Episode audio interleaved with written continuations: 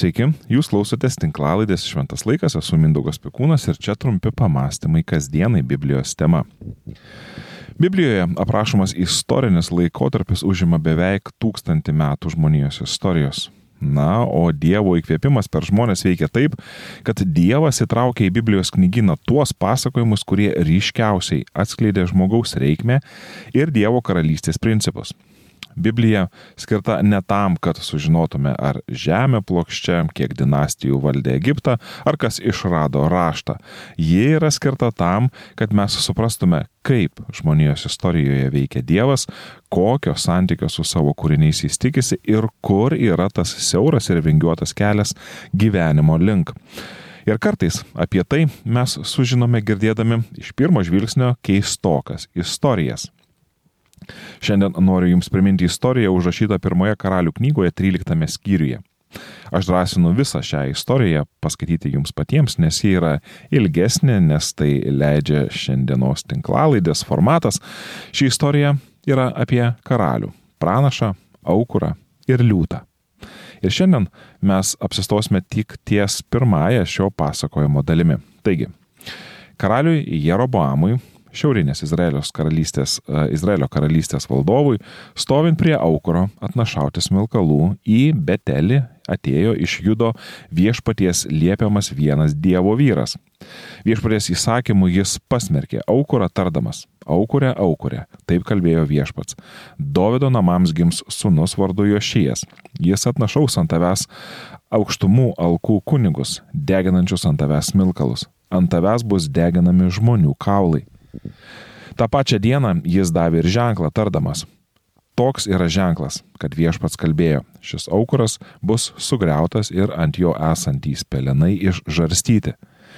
Karalius Jerobamas išgirdęs, kaip Dievo vyras pasmerkė Betelio aukurą, ištiesė ranką nuo aukuro tardamas - suimkite jį.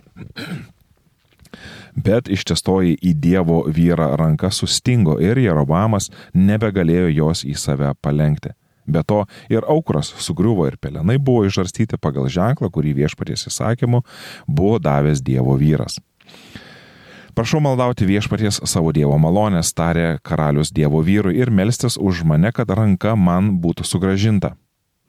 Dievo vyras maldavo viešpatį ir karalius vėl galėjo sulenkti savo ranką. Ji tapo tokia, kokia buvo pirma. Tada karalius kalbino Dievo vyrą, eikš su manimi į namus ir atsigaivink, tau dovaną duosiu. Bet Dievo vyras karaliui atsakė, nors man duotumai pusę savo karalystę, su tavimi neįsiu. Šioje vietoje nevalgysiu ir duonos, uh, nevalgysiu ir negersiu vandens, nes taip man buvo viešpatės liepta, nei duonos valgysi, nei vandens gersi, nei keliu, kuriuo atėjai grįši. Dievo vyras tad nuėjo kitų kelių, kitų kelių, kuriuo į, į, į Betelį buvo atėjęs. Pirmoji karalių knyga, 13 skyrius, 1-10 eilutės. Šiame pasakojime mes susipažįstame su pirmuoju gėdingai suskilusios Izraelio karalystės karaliumi vardu Jeroboamas. Po įžymiojo Saliamono valdymo karalystė suskilo į dvi dalis Pietinė Judo karalystė atiteko Saliamono sūnui Rehabeamui, o iš, šiaurinė, uh, iš šiaurinės karalystės sostą atsisėdo buvęs Saliamono administracijos darbuotojas, talentingasis Jeroboamas, kuris greitai suprato, kad valdyti pasidalinusią karalystę galės tik tokiu atveju, jei kažkaip įteisins savo karalystės išskirtinumą. Nors valstybės padalinimas dar nebūtinai yra blogas dalykas, jei sąmoningai laikomasi bendrystę palaikančių praktikų. Vis tik istorija liūdija, kad žengus teisinio atsiskirimo link labai greitai ateina ir emocinis atsiskirimas. Tai galima pastebėti, kai nuo kokios nors partijos atsiskyrę jos nariai tampa aršiausi jos priešininkais, kai iš darbo atleisti pastoriai tampa kitų denominacijų nariais, kai uh, teismo nuosprendį išgirdęs šeimos narys tampa atrodytų svetimu savo sutoktiniui. Tokiamis akimirkomis kyla klausimas, ar ta bendrystė iš viso buvo, jei panaikinus formalumus nebelieko nieko asmeniško. Išlaikyti įvairovę ir vienybę nėra taip lengva, ar tai būtų valstybė, šeima ar organizacija. Tačiau nesunku pastebėti, kad teisinis atsiskirimas yra gilesnio noro pabrėžti savo individualumą ir jį nevaržomai praktikuoti troškimo išraišką. Tai gimdo įkyrę mintį, jog emocinis atsiskirimas ir nenoras būti kartu galbūt jau įvyko netgi ir anksčiau, teisinė to išraiška yra tik tais pasiekmė. Aš suprantu, kad tai yra pakankamai subtilu, nes emocinį artumą palaiko išoriniai įsipareigojimai ir atvirkščiai. Vidinis rašys, ryšys padeda ir išsaugoti formalius santykius. Tačiau Jeroboamas, karalius Jeroboamas, tapdamas atsiskyrusios Izraelio valstybės lyderių, greitai atskleidė, kad bendrystės apskritai jisai net nenori. Galima buvo ieškoti kompromiso, kad žydai išliktų viena tauta net ir tada, e, kai skirtingiems tautos regionams vadovauja atskiri jos lyderiai. Tačiau Jeroboamas stovėjo, na, savotiškoj kryškeliai, valdyti išlaikant visų žydų tautos vienybę ar pasukti savo keliais. Ir Jeroboamas tiesiog norėjo valdyti ir norėjo tai daryti vienas. Jis išvalgiai pastebėjo, kad žydams duoti nurodymai tris kartus per metus visiems susirinkti į Jeruzalę pagarbinti Dievo buvo daugiau nei apieiginis įstatymas, kurio reikėjo uoliai laikytis. Toks nurodymas nepleisti bendrų susirinkimų buvo ir jų vienybės, tai yra žydų tautos vienybės pagrindas. Žydams duoti religiniai nurodymai buvo skirti ir palaikyti emocinį ryšį bei dvasinį bendrumą. Jerobamas nusprendė veikti ir savo karalystės mieste Betelyje pastatė savo aukuras ir tuo pačiu metu, kai žmonės jau turėjo eiti į Jeruzalę švęsti Dievo švenčių, pasiūlė savo karalystės žmonėms ateiti į Betelį ir ten švęsti tas šventes. Planas suveikė. Jis dažnai suveikia, nes žmogiška prigimtis per daug lengvai pasiduoda palengvinimams ar patogumui. Kam dešimtis ar net šimtus kilometrų keliauti į Jeruzalę, jei galima religinės apygas atlikti arčiau namų ir kur kas lengviau. Jerobamas nepaisė Dievo nurodymų šventes švesti pagal konkrečius nurodymus, jis elgėsi pragmatiškai ir jam rūpėjo ne paklusnumas Dievui, o tik valdžios išsaugojimas. Jam rūpėjo ne Dievo keliai, jis rūpinosi tik savo paties keliais.